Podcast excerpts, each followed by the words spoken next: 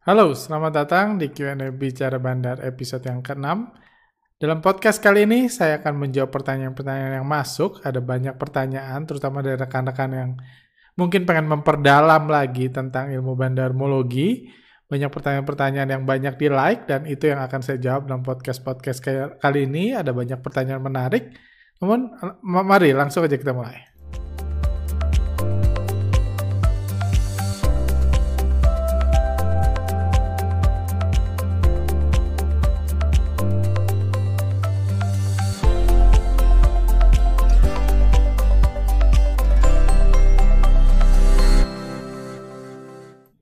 Oke, nah ini pertanyaan pertama dari Pak Tio.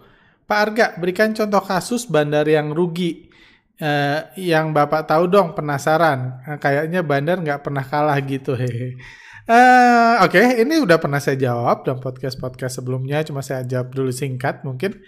Jadi uh, uh, uh, mindset yang mengatakan bandar nggak pernah rugi itu adalah mindset mindset bandar yang disatukan sebagai retail. Karena sebagai investor retail, sering kali kita menebak-nebak. Besok naik, besok turun, besok naik, besok turun. Sementara bandar menyebabkan harga naik dan harga turun.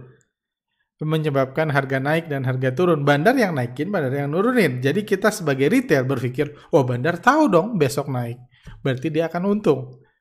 Bandar tahu dong besok turun, berarti dia juga akan untung kayak gitu. Cuman ya sebagai bandar, sebagai retail, bandar nggak seperti itu sudut pandangnya. Sama seperti uh, pabrik kerupuk, dia bisa menentukan harga kerupuk naik atau harga turun besok.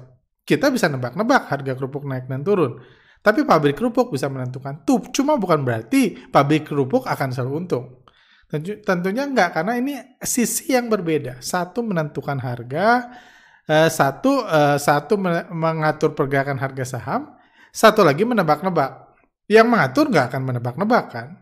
Nggak mungkin, oh saya tebak naik nih, terus besok dia naikin, wah benar kan kayak gitu. Tapi bandar bisa rugi, ya berarti ya jelas bisa.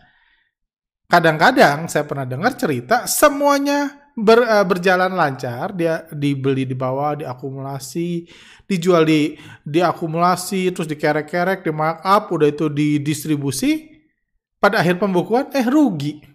Itu bisa terjadi. Karena kenapa dia rugi? Karena ternyata modal beli di bawah, modal naikin, fee transaksi, mungkin bayar bayar itu bayar uh, uh, bayar influencer-influencer dan akhirnya uang yang didapat dari distribusi ternyata lebih sedikit. Bisa aja itu bisa terjadi walaupun saya nggak bisa bilang sering atau jarang, cuma itu bisa terjadi. Atau yang lebih parah adalah uh, ada kasus-kasus seperti contohnya uh, bandar saham taksi beberapa tahun yang lalu beberapa tahun lalu ketika taksi taksi itu taksi ekspres saham taksi itu dulu sebelum ada bisnis online taksi online itu bisnis yang baik-baik aja. Bandarnya memaintain harganya dengan baik naik turunin harganya akumulasi distribusi dan lain-lain. Semuanya baik-baik aja. Seperti bisnis yang baik-baik aja sekarang ini. Cuma at one point ketika bisnis taksi online datang bubar semua masa depannya bubar semua masa depannya. Dan semua orang dulu banyak institusi yang pegang taksi. Pegang saham taksi karena menganggap itu bisnis yang sehat. Institusi-institusi itu pengen keluar. Bandarnya juga walah lu pengen jualan tapi gue nggak pengen beli barang lu. Jadi cepet-cepetan lah jualan. Bahkan uh, sebelum sahamnya disuspend sebelum sahamnya disuspend harga sahamnya udah gocap. Bahkan sebelum gocap itu terjadi bahkan uh, sebelum gocap sudah itu beberapa bulan sebelum dia terancam gagal bayar, gagal bayar obligasi, bandarnya ngegoreng sahamnya, ngegoreng dari 50 kalau nggak salah dinaikin ke 120-an, udah itu dikasih room uh, dikasih isu mau diakuisisi sama Gojek atau sama Uber. Waktu itu harga sahamnya digoreng dari 50 ke 120, udah itu diguyur sebanyak mungkin ketika retail percaya sahamnya di ini Retail rugi yang beli itu rugi. Nyangkut, nyangkut. Tapi apakah bandar untung? Enggak juga. Dari 50 dia ngeluarin modal, ngeluarin rumor untuk ngegoreng ke 120 itu butuh duit. Dari 120 dia jual sebanyak mungkin sebelum disuspend, dia butuh duit juga. Untuk itu dia dia mungkin dapat banyak duit, dapat banyak duit, dia jual puluhan miliar atau ratusan miliar sahamnya ke retail, tapi apakah dia untung jual di 100, di 80, di di 70 atau di 50, menurut saya nggak untung juga. Dia juga rugi. Cuma dia mikir kalau nggak gue goreng pun ini saham akan gagal bayar, mungkin disuspend berbulan-bulan atau bertahun-tahun, lebih rugi lagi mereka. Jadi nggak selalu bandar untung, itu beda mindset. Oke, lanjut. Semoga bisa dimengerti bagi Pak Tio. Bang, saya mau tanya berapa lama bandar menaikkan atau menggoreng sahamnya dan berapa persen yang diturunkan oleh bandar kalau sahamnya udah jual eh, udah dijual ke retail semua. Thank, thanks Bang info bandarnya selalu selalu saya jadi lebih hati-hati. Oke, okay. uh, uh, eh, gimana? Ini pertanyaan sering sekali muncul di terutama di workshop sebenarnya. Cuman uh, gimana saya menjawabnya? Dulu, dulu perusahaan kami kan perusahaan riset. Dulu salah satu uh, goal kami, goal kami, kami dari waktu ke waktu berubah. Pemahaman kami berubah, bertambah, berubah. Ada yang dihapus, ada yang Tapi intinya dulu ini pertanyaan-pertanyaan inilah yang kami riset mati-matian. Misalnya, berapa lama saham uh, bandar mengakumulasi sebuah saham? Kalau ada saham sideways, uh, hari ini saya ngelihat bandarnya pertama akumulasi. Hari ini pertama bandarnya akumulasi. Saya pengen tahu nih bandar bakal akumulasi berapa lama baru harga sahamnya digoreng. Jadi kami riset. Jadi kami riset dan lain-lain. Dan itu yang kami lakukan. Kira-kira dinaikinnya berapa persen nih satu saham? Kalau bandarnya udah akumulasi, barangnya dia, dinaikinnya berapa persen satu saham? Apakah dinaikinnya 10%, persen, dinaikinnya 20%, persen, atau dinaikinnya 30% persen baru dia distribusi? Itu jadi pendekatan-pendekatan apa ya, statistik dari pergerakan bandar itu yang jadi salah satu fokus uh, uh, ini kami, fokus riset kami. Tapi ternyata Enggak, udah nggak kehitung berapa dana yang keluar untuk melakukan riset-riset itu karena riset bandar mall itu bukan riset yang murah. Cuma somehow bahkan selama bertahun-tahun kami melakukan riset itu, kami nggak pernah dapat jawaban yang menyenangkan. Jawaban dapat, misalnya, contohnya ada saham lagi sideways diakumulasi.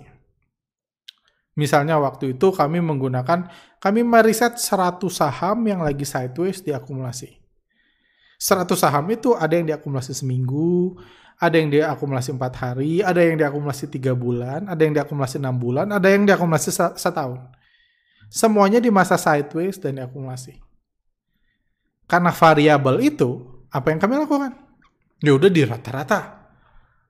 Di rata-rata. Kadang-kadang hasil rata-ratanya anggaplah rata-ratanya itu 36 hari Rata-rata bandar mengakumulasi 36 hari. Pendekatan statistik seakan-akan cerdas kan, seakan-akan akademis. Pertanyaannya, setelah tahu 36 hari, terus saya ketemu lagi nih saham. Uh, nih saham uh, oh, udah diakumulasi tiga hari. Apakah saya ya udah tunggu aja sampai hari ke-36. Baru di hari ke-36 saya beli sahamnya. Karena secara rata-rata bandarnya mengakumulasi 36 hari. Pengennya sih gitu kan. Pengennya bandarnya tahu hasil riset saya dan dia nurut. Dia akumulasi terus dari hari pertama, hari kedua, hari ke-30, 35, 36. Udah itu saya masuk. Besoknya diterbangin karena secara rata-rata bandar mengakumulasi 36 hari. Cuma realitanya nggak gitu. Ada yang baru 10 hari udah digoreng, udah dinaikin harganya ada. Ada yang udah 36 hari, udah 36 hari saya masuk 37 hari masih akumulasi, 38 hari akumulasi, 39 hari akumulasi, udah itu liburan sebulan baru digoreng. Ada juga. Jadi angka-angka itu seperti yang ditanya ini kan, berapa lama bandar menaikkan? Angka-angka itu nggak banyak berarti kalau kita rata-rata. Jadi itulah yang selalu saya bilang, fokus kami semakin ke sini setelah menghabiskan uang entah berapa ratus juta untuk riset tersebut gitu selama berbulan-bulan kayak gitu, lama-lama kami sadar, ya udah ikutin aja. Bandarnya lagi akumulasi, misalnya saya menemukan bandarnya lagi akumulasi dua minggu, udah dua minggu nih, kapan dinaikin saya nggak tahu. Cuma selama saya yakin sahamnya diakumulasi, saya percaya bandar beli saham bukan buat ngabis-ngabisin duit, bukan buat senang-senang. Bandar beli saham, mengakumulasi, beli di bawah, tujuannya buat beli di bawah, jual di atas. Jadi saya lihat bandar akumulasi, anggaplah saya masuk dulu. Masuknya seberapa banyak? Oh, saya pikir saya biasa masuk 10 juta misalnya. Kalau masuk 10 juta, saya masukin semua, saya nggak tahu kapan dinaikin. Mungkin saya masuk dulu 3 juta. Udah itu saya tunggu gitu. Kalau minggu depannya semakin banyak akumulasinya semakin ini, mungkin saya masukin lagi 4 juta. Jadi udah 7 juta. 3 juta buat apa? 3 juta tunggu digoreng aja. Kapan digorengnya saya nggak tahu. Karena saya hanya fokus ngikutin bandar. Jadi saya belajar lebih sabar, belajar nggak ngedukun gitu. Memprediksi, kesannya keren kan menghitungan statistik. Ada satu tim kami tuh jago banget statistik. Cuma lama-lama kita menyadari, toh ya kalau ada 100, uh, kalau ada 100 ini, 100 penonton video ini dikasih uang suruh akumulasi bandar, pertanyaannya di hari keberapa bakal suruh mengakumulasi saham tuh suruh goreng, Pertanyaannya dari 100 orang itu di hari keberapa harga saham akan digoreng? Jawabannya bisa beda-beda.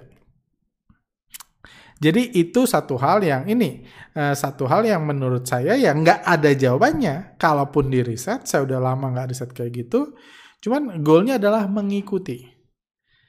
Men mengetahui bandar lagi ngapain dan menyesuaikan strategi kita untuk mengikuti bandar.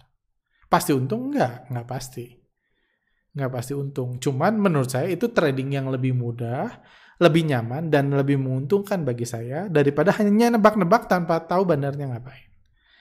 Kurang lebih seperti itu. Jadi pertanyaan-pertanyaan statistik kayak gini, berapa persen diturunkannya kayak gitu. Kalau di riset bisa, di riset mahal, cuman hasilnya berkali-kali kami lakukan, nggak ada gunanya. Nggak ada gunanya, karena nggak ada kepastian, hanya kalaupun dapat rata-rata gitu-gitu, nggak membuat bandar harus mengikuti rata-rata tersebut. Jadi yang pasti selama bandarnya akumulasi, fokus saya either beli atau hold. Selama bandarnya saya lihat udah mulai distribusi, fokus saya either profit taking atau cut loss. Jadi saya mulai ngikutin pergerakannya. Kurang lebih seperti itu. Kalau bandar main kasar pindah ke kripto lebih cuan. Oke, itu sepertinya bukan itu ini. Oke. Pak Arga, persiapan jadi bandar sudah berapa persen nih? uh, banyak banget yang like. Um, saya nggak tahu sih, saya nggak. Karena saya belum pernah jadi bandar gitu. Mungkin kalau anda nanya, uh, saya packing, packing mau keluar negeri, packingnya berapa persen nih? Uh, berapa persen packingnya sekarang? Mungkin saya punya bayangan karena sudah, saya sudah berkali-kali keluar negeri dan packing keluar negeri untuk waktu lama dan packing. Jadi saya dapat imajinasi. Cuman kalau untuk jadi bandar berapa persen saya nggak tahu nggak punya bayangan. Yang pasti saat ini kami sedang approaching berbagai sedang mengusahakan lah berbagai ini berbagai metode uh, berbagai jalan. Misalnya uh, uh, uh, sedang approaching sama salah satu software house karena kami pengen uh, salah satu ya tujuan kami, goal kami, kalaupun someday kami berhasil menjadi bandar adalah pengen ngurangin biaya SDM-nya, ngurangin pasukannya. Jadi banyak yang digerakkan oleh software. Seperti itu banyak yang digerakkan oleh software itu salah satu keinginan kami kalau someday kami bisa jadi bandar. Kayak gitu. Jadi jangan terlalu ini supaya mengurangi kebocoran informasi, ada ini ada tim yang berkhianat dan lain-lain. Kalau bisa banyak dilakukan oleh software, proses membandari saham itu akan jauh lebih mudah dan membuat software itu satu satu atau satu langkah yang bisa diusahakan. Apakah akan jadi softwarenya? Apakah akan seperti itu ya? At itu kami usahakan. Juga uh, menjadi bandar salah satunya adalah uh, apakah uh, uh, apakah saya hanya akan open production saja saya udah membuka diri. Sekarang anggaplah semua udah ready, saya udah ready jadi bandar. Toh kayak kayak sutradara beserta semua filmnya, beserta semua ininya, artisnya mengatakan saya ready, tapi belum punya project, belum punya cerita, belum punya film buat dibuat. Jadi nunggu ada emiten atau ada pemegang saham masuk. Itu bisa approach seperti itu. Cuma kalau menurut saya, apalagi saya masih newbie, kami masih newbie di sini, akankah jauh lebih baik di mana proyek ini bersamaan dengan uh, apa uh, dengan misalnya satu emiten atau satu pemegang saham atau satu konsorsium yang sepakat untuk yuk kita kerjasama untuk ngebandarin sahamnya. Jadi mulai semuanya berjalan dengan bersamaan. Saham yang untuk dibandari ada, infrastruktur untuk ngebandarinya ada kayak gitu. Jadi uh, udah setahun terakhir lebih ya satu dua tahun terakhir ini saya mulai membuka diri untuk membuka jasa layanan. Contohnya ke misalnya perusahaan-perusahaan yang pengen IPO. Saya nggak ngebandarin sahamnya, cuman ya kalau mau diskusi, kalau mau butuh bantuan, mau saran, mau ini dan lain-lain, saya membuka diri karena pengen melihat opportunity ke arah situ juga. Uh, karena saya nggak punya perusahaan untuk di IPO kan, saya nggak punya perusahaan untuk di IPO kan jadi mau nggak mau harus kerjasama dengan entitas lain dan itu pun sedang dibangun. Apakah akan berhasil, apakah enggak? Kita doakan aja sih yang pasti ya jalan ya jalan dengan baik lah, jalan sedikit-sedikit berapa persennya saya nggak tahu. Seperti itu karena menjadi bandar itu susah loh. Jadi bandar itu susah semakin kami tapi satu hal lagi, yang ini adalah proses persiapan ini membuat saya menjadi jauh lebih mengerti kenapa bandar seperti ini. Kenapa bandar seperti ini? Karena selama bertahun-tahun uh, saya uh, saya hanya menjadi copet. Melihat kebiasaan bandar kayak gini, wah kalau kayak gini saya bisa nyopet. Kebiasaan bandar gini, wah kalau gini saya bisa nyopet kayak gitu. Sekarang saya jadi pihak yang dicopet. Jadi saya mulai mengerti nih, kenapa misalnya, kenapa saya banyak bandar memilih pakai broker-broker aneh. Kenapa nggak broker retail aja semua?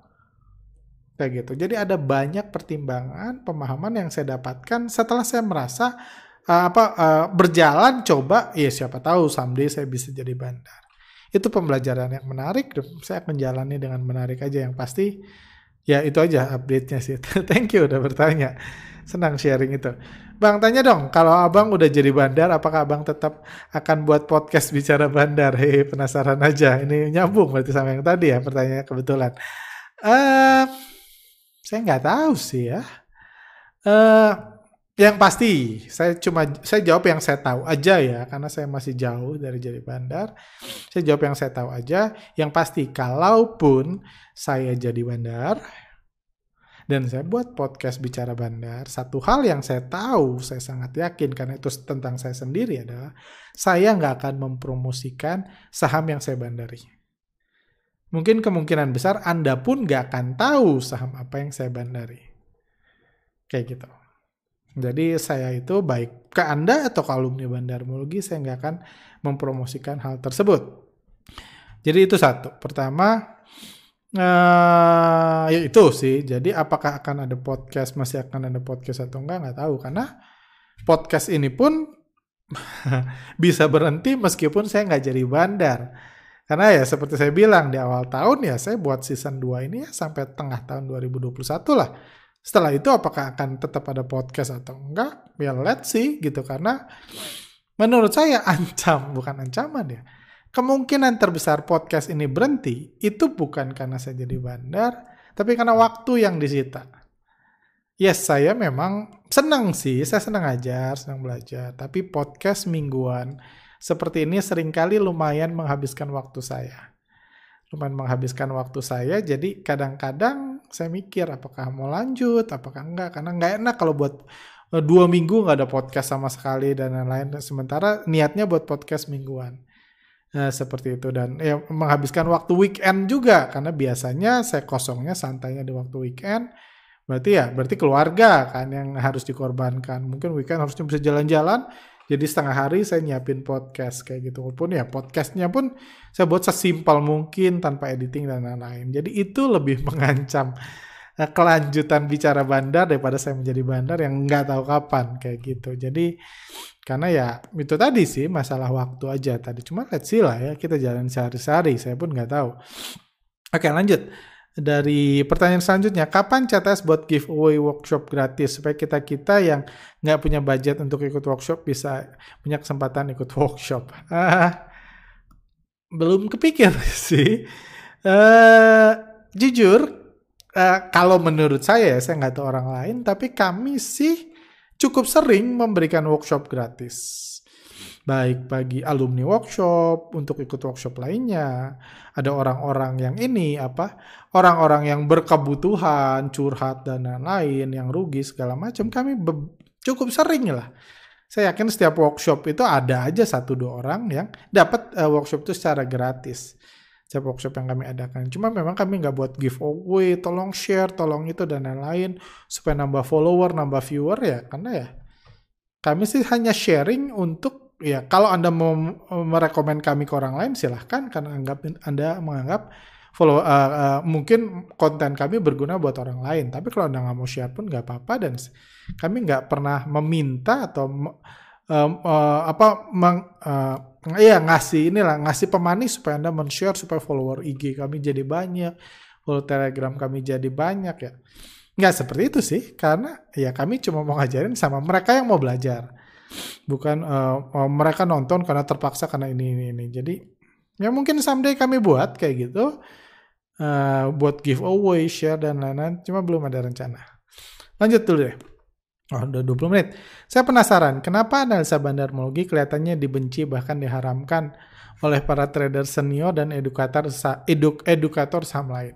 Padahal setelah belajar analisa teknikal, analisa fundamental, saya melihat analisa bandarmologi adalah analisa yang paling masuk akal. Apakah ini karena analisa bandarmologi itu merugikan pemain-pemain besar e, di bursa sehingga sengaja dicap sebagai ilmu haram supaya tidak banyak yang menggunakan? Kalau iya, apakah itu artinya para edukator saham yang ada sekarang hanyalah kaki tangan bandar untuk menjebak para investor retail? Mohon pandangannya. Berat bertanya Habis lagi minum saya. Uh, apa ya? Saya bawa, jawab paling bawah dulu aja yang paling gampang. Menurut saya sih, uh, para edukator itu ya terlalu seuzon lah gitu ya. Saya percaya ada, edukator yang kadang-kadang bekerja sama dengan bandar untuk mempromosikan karena edukator itu selayaknya artis, bandar itu selayaknya orang yang punya produk, wajar kalau yang punya produk menawar, uh, bekerja sama dengan artis untuk menawarkan produknya. Sama aja kayak jualan sampo seperti yang selalu saya jelaskan di podcast-podcast sebelumnya.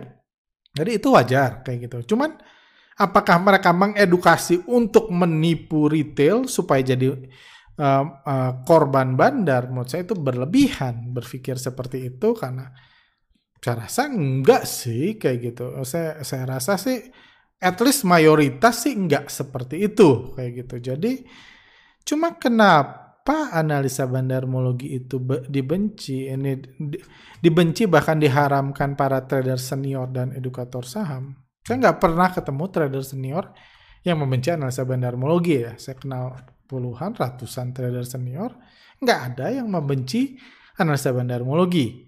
Trader senior yang saya maksud adalah trader yang benar-benar trading. Ya, benar-benar trading, jual beli saham, cari untung, kayak gitu.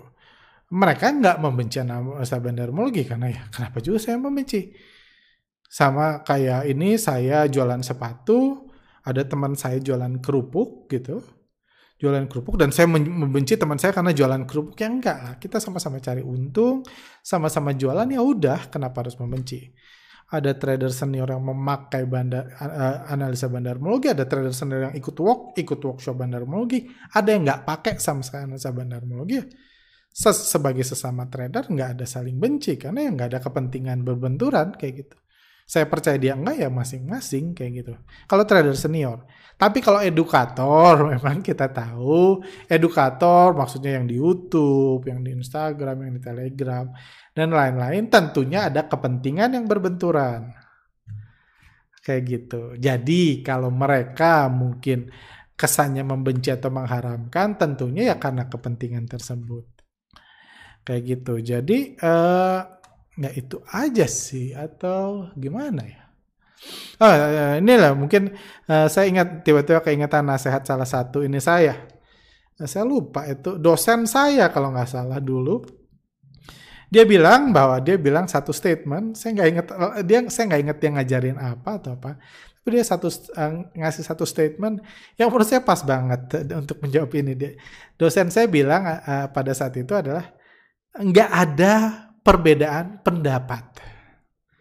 Di dunia ini yang menyebabkan kerusuhan, keributan itu bukan perbedaan pendapat, tapi perbedaan pendapatan.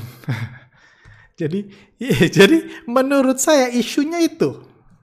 Kenapa kami dibenci? Banyak yang membenci kami lah. Banyak yang mengharamkan masa bandarmologi. Karena tadi bukan perbedaan pendapat. Saya yakin masing-masing Eh, masing-masing uh, orang yang anggaplah jualan seminar kayak gitu atau jualan rekomendasi berbayar dan lain-lain semua juga tahu kok Bandarma bebas semua juga tahu kok seberapa pun seberapa keras pun saya baca laporan keuangan kalau harga sahamnya nggak digoreng bandar ya nggak naik mereka pun tahu. Analis teknikal pun tahu kok seberapa pun support yang saya tarik berapa banyak garis yang saya tarik. Kalau bandar jebolin ya jebol jadi resisten. Mereka semua tahu. Tapi pengetahuan itu nggak menguntungkan buat mereka. Knowledge itu nggak menguntungkan buat mereka eh, dari sisi pendapatan tadi. Karena kalau bayangin kalau Anda setengah mati disuruh baca laporan keuangan 50 lembar pakai bahasa Inggris, nulisin rasio diakhiri dengan bandar bebas, tentunya akan membuat seminarnya nggak laku. Jadi ya tadi bukan perbedaan pendapat tapi perbedaan pendapatan. Ada orang yang udah setengah mati belajar baca laporan keuangan, belajar ini, belajar itu segala macam, dia akan meng, apa? akan menframing pengetahuannya atau produknya dari sudut pandang itu. Salah ya nggak salah. Dia taunya itu kok. Dia taunya baca laporan keuangan. Ya dia akan memframing, dia akan ngasih contoh-contoh. Lihat Pak Warren Buffett, lihat Pak Lok Keng Hong. Lihat nih ada saham perusahaan bagus, uh, dia valuasinya murah, lama-lama dia jadi naik, benar kan gitu. Ketika ada puluhan saham perusahaan busuk, harga sahamnya naik, dia nggak akan bahas. Karena dia akan memframing dari sudut pandang yang menghasilkan pendapatan buat dia perbedaan pendapatan. Atau kami biar fair. Kami mayoritas pengeluaran perusahaan kami dipakai buat riset. Dipakai buat riset, buat mengupgrade komputer, kayak gitu. Ngupgrade komputer untuk membaca pergerakan broker-broker, untuk mengambil transaksi-transaksi broker, dan lain-lain, dan lain-lain. Fokus kami meriset, membaca pergerakan bandar dari miliaran data transaksi yang ada setiap hari. Jadi kami ngomongnya bandarmologi. Atau kalau saya kalau nggak pandemik, saya at least sebulan sebulan dua kali atau tiga kali saya ke Jakarta. Kadang-kadang cuma buat ngobrol-ngobrol sama orang market. Tanpa ada sebab yang jelas gitu, tanpa ada ini yang jelas, cuma ngobrol-ngobrol, traktir makan dan lain-lain. Kenapa? Karena dari situ saya dapat knowledge tentang how the market works. Saya ngomong sama orang sekuritas, saya ngomong sama orang yang ngurusin IPO, saya ngomong sama waktu kasus krisis bandar sama orang-orang yang berkaitan dengan krisis bandar 2019. Ngobrol supaya dapat informasi lebih. Karena itu yang saya lakukan, ya, itu pengeluaran saya situ, juga saya juga jualan seminar bandarmologi, jadi saya ngomongnya bandarmologi. Perbedaan pendapatan tadi kan, saya nggak akan ngomong teknikal karena saya nggak fokus ngeliatin candlestick kayak gitu kan. Saya nggak fokus candlestick dan saya nggak jualan seminar membaca candlestick kan. Atau mewarnai candlestick saya nggak baca. Atau ada yang lain misalnya yang lebih ekstrim. Ada mungkin kalau seandainya ada misalnya apa ya, ada pengusaha dia udah invest ini, dia udah invest besar untuk misalnya buat teropong gitu, buat teropong bintang untuk melihat misalnya ada bandar di Bintang sana, dia akan eh, dan mungkin income-nya dari itu misalnya dari apa? Dari penyewaan teropong bintang, dia akan menjual framing dari sisi itu. Harga saham digerakkan oleh bintang, oleh bulan dan lain-lain. Jadi cuman perbedaan pendapatan aja sih. Menurut saya semua juga tahu bandar mah bebas. Cuman approach-nya beda-beda karena pendapatannya beda-beda. Seperti itu. Lanjut.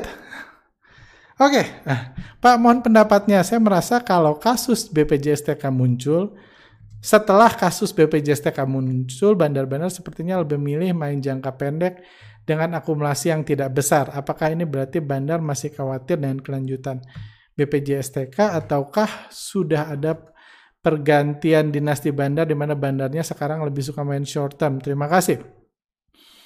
Pergantian dinasti bandar saya belum melihat ke arah situ. Uh, karena belum ada juga dinasti bandar yang dijatuhkan, yang ada cuma kasus kasus selalu kasus uh, Jiwasraya dibangkitkan kembali, tersangkanya dituntut kembali dan asetnya diperebutkan bersama, disita untuk kepentingan bersama. So far baru itu. Belum ada pemain besar lain yang kena, belum ada institusi yang lain kena kayak gitu. Cuman kalau mengatakan memang bandar mainnya jadi lebih cepat, yes. Jadi saya melihat masih ada efek dari krisis bandar itu efeknya masih jelas walaupun udah nggak ada murka lagi. Seperti saya bilang di 3 4 2 3 hari terakhir waktu sahamnya masih auto reject bawah terus beberapa minggu lalu pun saya mengatakan itu.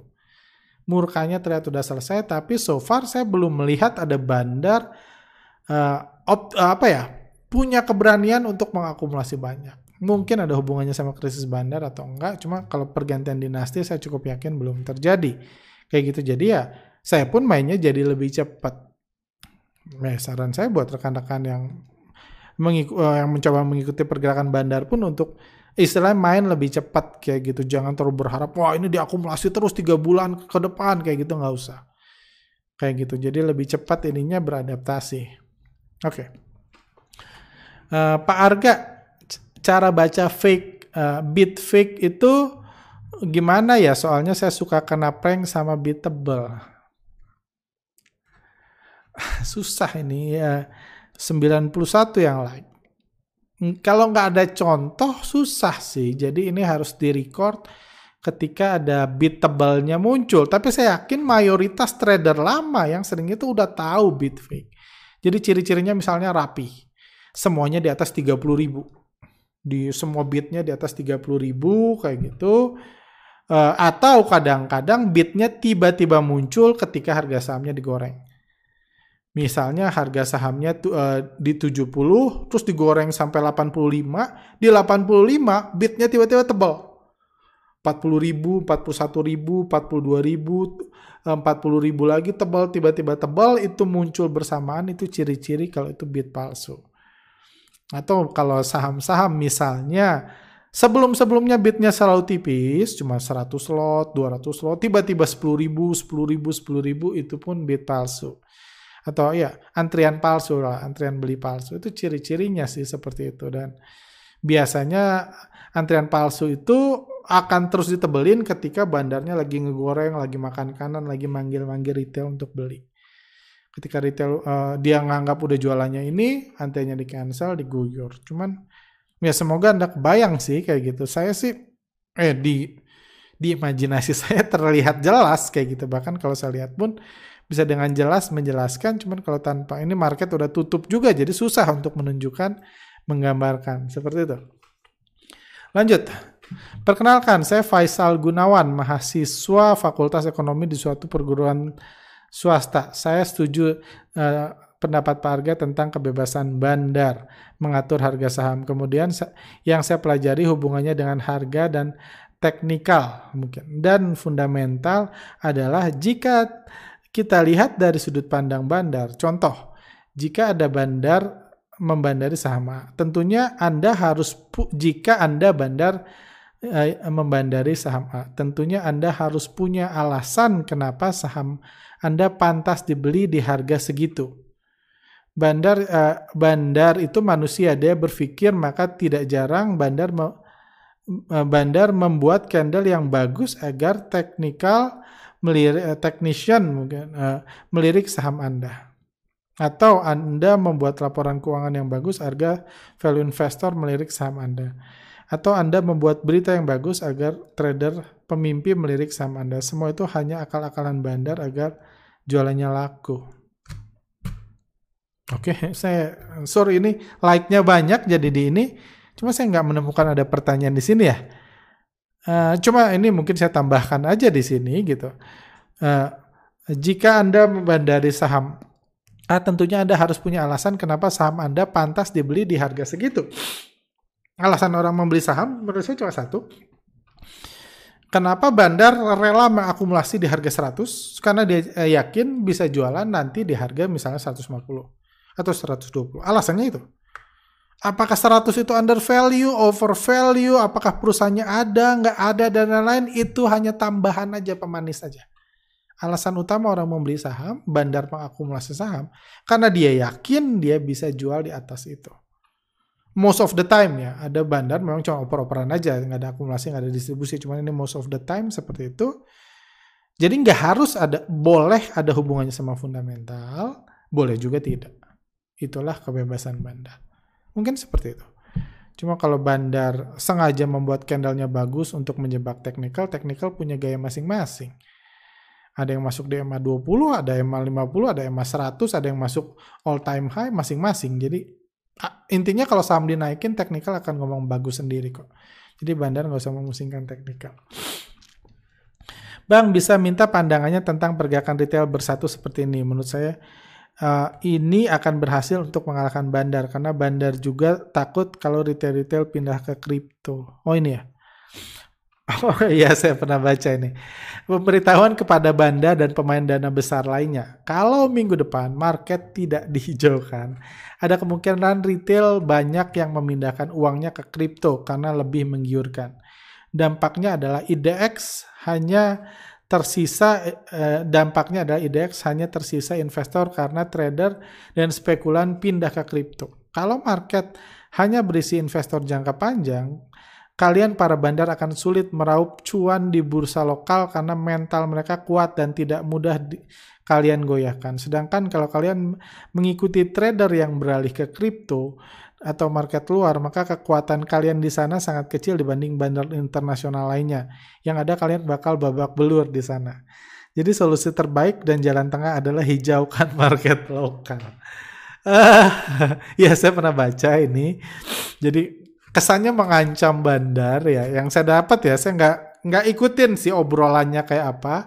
Cuman kesannya ini mengancam bandar untuk uh, naikin kalau nggak duitnya gue keluarin kayak gitu. Cuman apakah akan bandar akan terancam? Pertanyaannya tadi apa? Uh, apakah bandar akan terancam? Bang bisa uh, gerakan retail bersatu. Jadi apakah bandar akan terancam kalau retail mengancam? Naikin IHSG kalau nggak gue keluar. Pertama, ya ini kalau saya jadi bandar ya, kalau saya jadi bandar dengan ancaman gini, pertama, di bursa uh, investor retail selalu terbagi dua. Ada yang pengen uh, I indeks naik, harga-harga saham naik, harga-harga saham digoreng. Ada yang pengen harga saham turun. Yang membedakan yang pengen harga saham naik dan yang pengen harga saham turun adalah yang naik, yang pengen harganya naik. Kenapa? Karena dia udah beli sahamnya gue udah beli sahamnya sebanyak 100 juta. Misalnya, sebanyak senilai 100 juta, sekarang udah nyangkut tinggal 80 juta. Orang yang udah beli 100 uh, uh, juta, sekarang tinggal 80 juta, dia kalau bisa ngancam bandar. Naikin gak saham gue? Gue maki-maki deh supaya naik. Gue ancam. Gue keluar ke kripto kalau nggak dinaikin. Itu orang yang pengen harga naik. Sementara orang yang baru keluar gitu, bahkan cut loss, bahkan cut loss gitu, orang yang udah punya cash, gue udah punya cash 100 juta nih, gue nggak punya saham, dia berharap harga turun. Jadi kalau perlu dia ngancam bandar untuk nurunin harga. Dia nggak bisa nurunin harga, dia cuma bisa berharap mudah-mudahan bandar nurunin. Kenapa dia nggak bisa nurunin harga? Oh, dia punya cash. Gimana orang punya duit nurunin harga saham? Untuk nurunin harga saham itu harus buang di kiri, harus guyur kiri, harus punya saham. Jadi retail ada yang pengen turun, ada yang pengen naik. Kalau ada yang mengancam kayak gini, naikin nggak? Kalau nggak gue keluar ke kripto berarti dia nyangkut. berarti dia akan nyangkut. Eh, pandangan saya ya kalau saya jadi bandar belum tentu benar, cuman kalau saya jadi bandar, ya lu nyangkut lu ngancem gue pengen naikin. Ya bandar bisa mau naikin, bisa nurun, dia nggak usah khawatir. Ya lu nyangkut kalau cut loss, cut loss aja. Gue beli dari lu di bawah, gue naikin harganya. Lu gondok sendiri lu, ngancam-ngancam mau cut loss tadinya pindah ke kripto, mending kalau kripto nggak dibanting juga. Bandar kripto lebih kejam. Nggak ada broker summary di situ untuk Anda riset-riset, analisa untuk tahu bandarnya lagi ngapain. Tiba-tiba turun 50% ya pasrah aja, terima aja. Kayak gitu. Jadi uh, menurut saya itu sesuatu yang ini ya. Jadi menurut saya bandar nggak akan terancam sama yang seperti ini, tapi memang kalau ancak bandar lokal, apalagi bandar yang sedang krisis di 2021 ini, krisis bandar ini, tentu akan melihat kripto sebagai ancaman. Kan oke okay lah mereka yang nyangkut, uh, oke okay lah mereka yang nyangkut, yang ngancem minta bandar untuk segera menghijaukan IHSG, oke okay lah mungkin mereka nggak cut loss. Tapi ngeliat kripto digoreng-goreng gila-gilaan, pemberitaan media ke kripto, baik internasional atau lokal, dan sementara di Indonesia sedang krisis bandar yang membuat sepertinya bandar gelisah, nggak berani akumulasi panjang, tentunya itu membuat banyak, at least dana segar baru, orang yang masih pengen punya duit lebih tertarik memasukkan uangnya ke kripto daripada ke saham. Memang nggak ada yang bisa di bandar lokal lakukan, saya berharap mudah-mudahan bandar kriptonya cepat-cepat profit taking, kembali hancur lagi. Karena kripto juga udah berulang kali hancur. Saya kenal puluhan orang yang kapok trading kripto, even udah trading 4-5 tahun lalu, karena bangkrut. Karena bandar di sana katanya sih lebih kejam. Walaupun saya sendiri belum pernah merasakan. Naikinnya lebih gila, ngebantingnya lebih gila. Jadi menurut saya ini ancaman yang kalau saya jadi bandar sih saya cuma senyum-senyum aja. Uh, seperti itu. Masih adakah pertanyaannya? Oh ini ya. Uh, Bang, bahas value investing uh, 2.0 dong. Uh, Pak Lokeng Hong juga udah berubah Pak. Kalau dulu uh, kalau dulu beli saham yang beli saham dan simpan, kalau sekarang beli sahamnya kasih tahu ke orang uh, orang kalau dia ada beli barusan timnya post oh ini udah lama berarti di IG dia punya TBLA mirip kayak waktu GJTL kemarin. Oh ini kayaknya ini pertanyaan lama ya nggak kejawab kejawab. Hmm, value investing 2.0. Menurut saya sih value investing udahan sih, nggak nggak worth it lagi untuk kalau value investing ya kalau analisa fundamental tentunya masih bisa dipakai karena banyak yang dianalisa. Cuma value investing sih nggak perlu ada 2.0 coret aja. Value-nya tinggal investingnya atau panjang sabarnya itu masih berguna. Cuman menurut saya sekarang sih lebih tepat disebut LKH-mologi jadi Pak LKH seperti dikatakan ini saya juga setuju dia sekarang kalau udah beli di bawah dia promosikan dia punya grup sekarang buat ini supaya yuk gue udah beli di bawah sekian ini supaya grup-grupnya itu follower-follower pengikut LKH homologinya itu atau value investornya itu yang merasa value investor intinya beli saham-saham yang dibeli Lokeng Hong itu beli mungkin timnya bisa jualan. Mungkin itu bisa dilakukan. Jadi ya itu aja sih. Cuman di satu sisi saya pribadi uh, apa ya? Saya pribadi cukup penasaran, kami di sini cukup melakukan riset. GJTL sama TBLA ini 2-3 minggu terakhir, nah, terus sebulan, dua bulan terakhir ini udah beberapa kali saya beli. Saya pengen tahu pergerakannya, karena kadang-kadang kalau nggak beli itu risetnya nggak mendalam, karena nggak punya duit kan.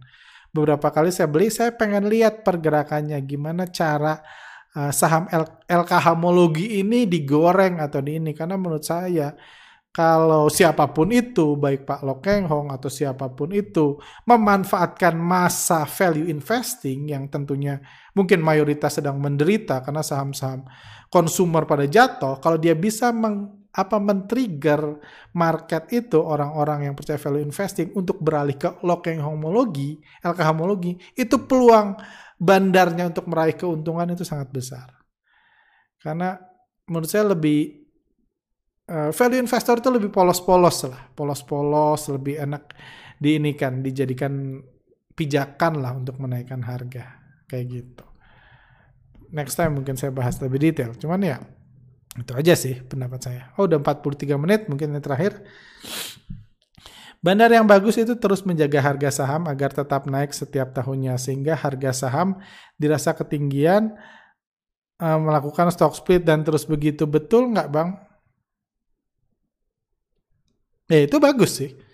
Saya nggak bisa bilang semua bandar bagus seperti ini, cuma bandar yang komitmen melakukan ini, memaintain harga saham, menaikkan dari tahun ke tahun, seperti itu, itu bandar yang bagus. Uh, sering kali salah satu kuncinya adalah majority shareholdernya, pemegang saham mayoritasnya itu punya mindset jangka panjang. Nggak pengen cepat kaya, cuma pengen ya yang penting tiap tahun harga saham gue naik gitu. Dan terus laku, terus liquid, punya kepercayaan, dipercaya banyak investor, banyak institusi, jadi dia mainin harganya pun lebih enak dan secara stabil dia terus menjadi kaya. Ada banyak orang-orang terkaya di Indonesia punya mindset seperti itu. Gitu aja sih. Oke, uh, sampai sini dulu. Thank you buat rekan-rekan yang sudah mendengar. Saya harap Anda belajar something di sini. Jangan lupa kalau ada ada yang bingung, ada punya pertanyaan, silahkan tanya ke uh, uh, taruh uh, taruh pertanyaan di bawah dan jangan lupa kalau Anda punya pertanyaan yang sama dengan yang sudah ditanyakan silahkan di like, uh, di like uh, supaya saya kami bisa tahu pertanyaan mana yang uh, layak dijawab seperti itu. Oh iya satu lagi, kita skip dulu pertanyaan yang lain. Satu lagi jadi ini gambar Bali. Jadi bulan Maret nanti, bulan Maret nanti saya saya dan istri akan ke Bali, ke Bali Eh, nggak ada urusannya sama saham sih, saya ada urusan bisnis yang pengen kami coba di sana kayak gitu, yang pengen kami lihat lah sederhananya ada urusan bisnis yang pengen kami lihat di Bali, juga pengen spend time juga kayak gitu. Ya, cuman karena saya ada di Bali dan uh, saya tahu uh, kalau dengar-dengar sih di Bali sekarang sepi, banyak orang kesusahan.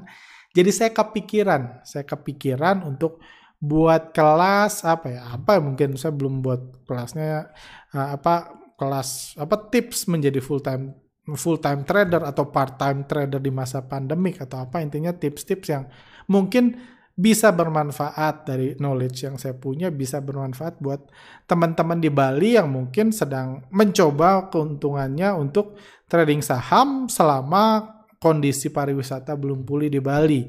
Saya pernah bilang di podcast sebelumnya saya punya keinginan untuk membantu orang-orang Bali walaupun saya nggak tahu apa nggak tahu apa. Jadi saya bisa berencana ya kalau diinginkan kalau banyak yang pengen dan kalau ini saya pengen sih buat workshop atau seminar kayak gitu di Bali workshopnya sendiri kalau bisa sih gratis karena ya dan saya ke sana nggak dengan tim CTS ya karena tim CTS harus kerja di sini saya cuti di sini.